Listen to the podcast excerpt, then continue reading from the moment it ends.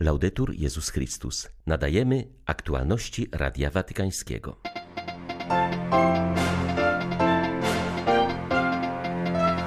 Zakończył się kongres duszpastersko-teologiczny w ramach dziesiątego Światowego Spotkania Rodzin. Wieczorem jego uczestnicy wraz z Rzymianami spotykają się z papieżem na placu Świętego Piotra na wspólnej Eucharystii. Z okazji 150. rocznicy urodzin świętego Alojzego Orione papież Franciszek przyjął dziś na audiencji założoną przez niego rodzinę zakonną. Dziękujemy za to Bogu. Dotychczasowa polityka aborcyjna była sprzeczna z amerykańskimi ideałami. Tak episkopat USA skomentował wczorajszy wyrok Sądu Najwyższego znoszący powszechne prawo do aborcji w Stanach Zjednoczonych. 25 czerwca witają Państwa Marek Krzysztofiak i Łukasz Sośniak. Zapraszamy na serwis informacyjny. Zakończył się kongres duszpastersko-teologiczny w ramach dziesiątego Światowego Spotkania Rodzin. Wieczorem jego uczestnicy spotykają się z papieżem na placu Świętego Piotra na wspólnej Eucharystii. W ostatnim dniu kongresu wszystkie świadectwa i prelekcje oscylowały wokół świętości w rodzinie jak ją osiągnąć i jak osiągnęli ją inni małżonkowie, którzy oficjalnie zostali uznani za błogosławionych czy świętych. Jak zauważają Aldona i Artur Wiśniewscy, świętość w rodzinie wyraża się w codzienności, ale ma zarazem jasny cel być razem po drugiej stronie życia u Pana Boga. Od początku naszego małżeństwa, e, kiedy zaczynaliśmy jako chłopak i dziewczyna pielgrzymować z Płocka na Jasną Górę, wiedzieliśmy, że to jest tylko nie droga pielgrzymki, ale to jest nasza droga, droga małżeństwa, droga rodziny, droga, która ma nas zaprowadzić do nieba. I to marzenie i pragnienie no, bycia z Bogiem po drugiej stronie e, życia jest y, dla nas no, marzeniem, ale też jakimś takim wyzwaniem codzienności. Uczymy się kochać codziennie, uczymy się przebaczać codziennie, uczymy się ze sobą prowadzić dialog codziennie, ale też to są zadania, różne obowiązki. Staramy się je wypełniać, powiedziałabym, nawet w 200%. Świat nam proponuje obraz miłości takiej spektakularnej, a my podkreślamy, że Miłość można wyrazić w codzienności, w prostych gestach i w prostych słowach. Każde wyjście do pracy każdego małżonka jest takim też gestem miłości. Wypowiadanie słów proszę, dziękuję, przepraszam. To jest miłość, która nie potrzebuje fleszów, nie potrzebuje telewizji pięknych, ale też gesty. Ta świeca musi być przy kolacji, to musi być też zaskoczenie, piękny strój przy randce, to też musi być ale i codzienność. Uczestnicy Światowego Spotkania Rodzin poznawali dziś postacie świętych małżonków, które mogą być wzorem w codziennym dążeniu do świętości. Mówiono głównie o rzymskim małżeństwie błogosławionych Luigiego i Marii Beltrame Quattrochi, którzy są patronami tego spotkania. Wśród uczestników Światowego Spotkania Rodzin dużą popularnością cieszą się również rodzice świętej Teresy z Lizie, Zelia i Ludwik Martin. Ich relikwie przybyły z tej okazji do Rzymu. W codziennym życiu małżeństwa i dzieci najczęściej odwołują się jednak do przykładu świętej rodziny, mówi Aleksandra Tondera z domowego kościoła z Katowic, która przybyła do Watykanu z mężem Janem i czwórką dzieci. W naszym domu wisi ikona świętej rodziny. Dla nas to jest takie źródło, taka pierwsza święta rodzina, która właśnie jest takim wzorem. E, bardzo wpatrujemy się e, w poszczególne osoby, w świętego Józefa, który ostatnio jest nam właśnie bardzo bliski E, który jest takim e, prawdziwą ostoją, takim strażnikiem rodziny. E, wpatrujemy się w Najświętszą Maryję Pannę, która jest właśnie dla nas takim wzorem kobiecości i macierzyńskiej opieki. Mamy nadzieję, że nasze dzieci również będą wzrastać w tej wierze E, właśnie na wzór świętej rodziny. W przemówieniach i świadectwach poruszano także temat trudności i ograniczeń, jakie wiele par napotyka na drodze małżeńskiej. Zamiast mówić o kryzysach, wierzymy, że lepiej mówić o szansie na nową drogę, nowym początku, stwierdzają Krystyna Elena Riccardi i Paolo Pellini, koordynatorzy panelu. Świadectwa wygłosiły cztery małżeństwa, które między innymi doświadczyły rozczarowania, zdrady, wygaśnięcia miłości i utraty poczucia bycia ważnym w oczach drugiej osoby. Bóg interweniuje w historię ludzi i pozwala im przebaczać. Zobaczyliśmy, że nawet bardzo poranione pary mogą sobie przebaczyć, stwierdzają Riccardi i Pellini. Słyszeliśmy trudne historie, które prawdopodobnie, gdyby nie otwartość i pragnienie przyjęcia tego daru łaski sakramentu, nieuchronnie zakończyłyby się rozstaniem, a być może jednym z wielu konfliktowych rozstań, w których złość przeważa nad innymi uczuciami.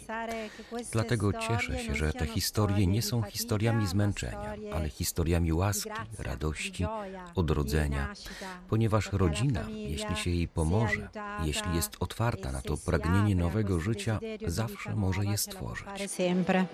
Mam jednak wrażenie, że powinniśmy być bardziej pokorni i pozwolić, aby nauka bardziej nam pomagała. Bóg jest naszym sprzymierzeńcem, ale by nam pomóc posługuje się również tymi narzędziami. Potrzebna jest także współpraca z naszej strony, a te narzędzia, zwłaszcza psychologiczne, są z naszego punktu widzenia fundamentalne. Małżeństwa z dłuższym doświadczeniem, zapytane o źródła świętości w rodzinie, wskazują na samego Boga i łączący je sakrament. Z tego względu, jak uważa Alfreda Lubowiecka, przedstawicielka Polonii z Niemiec, bardzo dobrze się stało, że na Światowym Spotkaniu Rodzin obrady o świętości rozpoczęły się dziś rano od wspólnej adoracji Najświętszego Sakramentu w auli Pawła VI. Jestem pod wielkim wrażeniem tej e, adoracji eucharystycznej, która była e, która była prawdziwym uwielbieniem. To nie było przypadkowe, że ten dzień zaczął się tym punktem, ponieważ bez tego kontaktu z Bogiem żywym nie można dojść do świętości, bo człowiek sam z siebie tego nie posiada. Bóg powoduje to zmianę w naszych sercach. Są te wiele schodków, które musimy przejść, żeby w rodzinie dla drugich być no, takim chlebem, tą miłością, tą troską drugiego i to jest chyba świętość. Elwira Pniewska z Londynu zwraca uwagę na sakramentalną łaskę małżeństwa, którą przeżyła najpierw w swojej rodzinie, a teraz odkrywa ją również w świadectwach innych uczestników tego światowego spotkania. Ja tutaj właśnie na tym spotkaniu czuję tą duchową, przepiękną więź małżeńską, sakramentalną, która jest źródłem misji i entuzjazmu w rodzinach. To się tutaj czuję. 28 lat temu poczułam szczególne powołanie do pracy z rodzinami. Zaczęłam od swojej rodziny, od przygotowania mojego syna do pierwszej Komunii Świętej. Przeżyłam bardzo głębokie nawrócenie i to było powodem odkrycia tego nowego powołania, zostawienia mojej profesji architekta i stania się teologiem, pedagogiem. Zajmuję się katechezą rodzinną i wychowaniem chrześcijańskim w rodzinie. Z okazji obchodów 150. rocznicy urodzin świętego Alojzego Orione, założona przez niego rodzina oriońska została dziś przyjęta przez papieża. Na ile płonie w was miłość Chrystusa, na tyle wasza obecność i działanie stają się pożyteczne dla Boga i ludzi, zaznaczył Franciszek. Odwołując się do słów Don Orione, Ojciec Święty zwrócił uwagę, że pierwszym miejscem, gdzie dojrzewa się do ewangelizacji jest wspólnota, której życie powinno być świadectwem. Z kolei w wypełnianiu misji nie należy narzekać na współczesne czasy i chować się przed światem, ale spojrzeć na niego jak Bóg, współodczuwając jego smutki i radości. Dzisiaj bycie uczniami, misjonarzami posłanymi przez Kościół nie jest przede wszystkim robieniem czegoś, działaniem, ale tożsamością apostolską, nieustannie pielęgnowaną w życiu braterskim wspólnoty zakonnej lub rodziny. Ważne jest, aby dbać o jakość życia wspólnotowego, o relacje, o wspólnotową modlitwę. To już jest apostolstwo, bo to jest świadectwo. Wezwanie, by rzucić się w ogień nowych czasów, wymaga, abyśmy patrzyli na dzisiejszy świat z rozeznaniem, ale i ze współczuciem, bez lęku, bez uprzedzeń, odważnie. Musimy postrzegać nieszczęścia tego świata jako powód naszego apostolatu, a nie jako przeszkodę.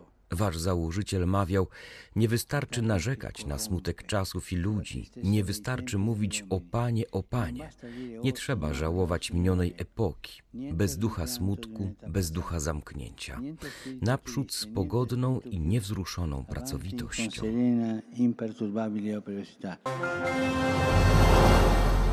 To historyczny dzień w życiu naszego kraju. Dziękujemy Bogu i modlimy się, by wybrani przez nas urzędnicy uchwalali teraz prawa, które będą promować i chronić życie najbardziej bezbronnych. Napisali amerykańscy biskupi w oświadczeniu po wczorajszym wyroku Sądu Najwyższego, który zniósł powszechne prawo do zabijania nienarodzonych w Stanach Zjednoczonych. Od tej pory władze federalne nie mogą nakazywać poszczególnym stanom liberalizacji prawa aborcyjnego. Orzeczenie jest odpowiedzią na precedensową sprawę Roe przeciwko Wade z 1973 roku, której wyrok zakładał, że amerykańska konstytucja gwarantuje prawo do aborcji na życzenie do momentu przeżywalności płodu poza ciałem matki.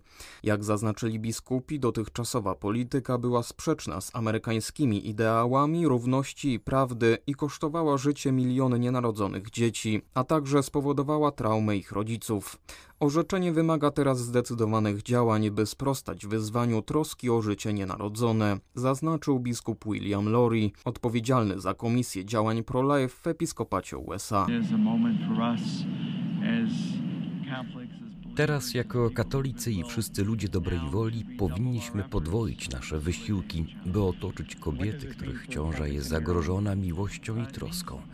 To zarazem zwycięstwo, ale i wielkie wyzwanie. Musimy też wciąż przekonywać ludzi, że należy uszanować świętość życia, zarówno matki, jak i dziecka. Trwa 122 dzień rosyjskiej inwazji na Ukrainę. W nocy w całym kraju ogłoszono alarm przeciwlotniczy. Armia rosyjska przeprowadziła naloty bombowe oraz ostrzał rakietowy z terytorium Białorusi, celując w regiony północnej Ukrainy Kijów, Czernichów i obwód żytomierski. Nad ranem ostrzelany został również Lwów. Znów zginęli niewinni ludzie, wróg dzień i noc oblewa ukraińską ziemię krwią, ale my się nie poddajemy, modlimy się i walczymy, powiedział arcybiskup Światosław Szewczuk. W swoim codziennym przesłaniu zatrzymał się on nad kolejnym owocem Ducha Świętego, jakim jest dobroć. Nasz metropolita Andrzej Szeptycki mawiał, że w czasie wojny dobroć ludzka jest cenniejsza niż chleb i masło, niż odzież i ciepło. Chciałbym dziś podziękować wszystkim, którzy mają odwagę bycia dobrymi w obliczu ogromu zła. W tym świecie pełnym nienawiści, morderstw i znieważania ludzkiej godności. Szczególnie dziękuję wszystkim wolontariuszom, a zwłaszcza tym, którzy przy naszych kościołach w czasie wojny służą najbardziej potrzebującym. Nie pytają ludzi skąd pochodzą, do jakiego kościoła należą i jaką mową się posługują, ale bezinteresownie pomagają. Dziękuję wszystkim, którzy mają dobre serca i dzięki swej dobroci zbliżają się do Chrystusa, obecnego w ofiarach tej napaści. Boże, daj nam odwagę bycia świadkami i nosicielami Twojej dobroci. Napełni swoją dobrocią ukraiński naród, który stał się ofiarą zła i niesprawiedliwości ze strony naszego wroga. Boże, Twoją dobrocią ożywiaj nas wszystkich, ratuj nas od grzechu i śmierci i śmierci.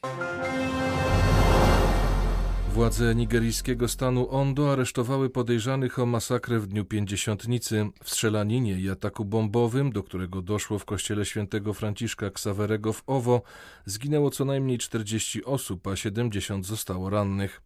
Nie spoczniemy, dopóki wszyscy winni nie staną przed sądem, również zleceniodawcy tego aktu terroru, zapewnił szef miejscowej policji. Władze nie podały liczby aresztowanych, ale zapewniły, że wszyscy odpowiedzialni za masakrę zostaną zatrzymani i ukarani. Funkcjonariuszom udało się odnaleźć pojazdy, których terroryści użyli do ucieczki oraz broń użytą podczas strzelaniny.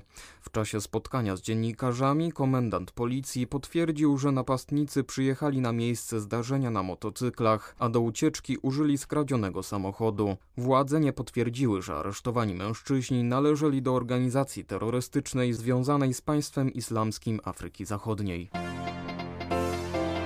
Były to aktualności Radia Watykańskiego. Laudetur Jezus Chrystus.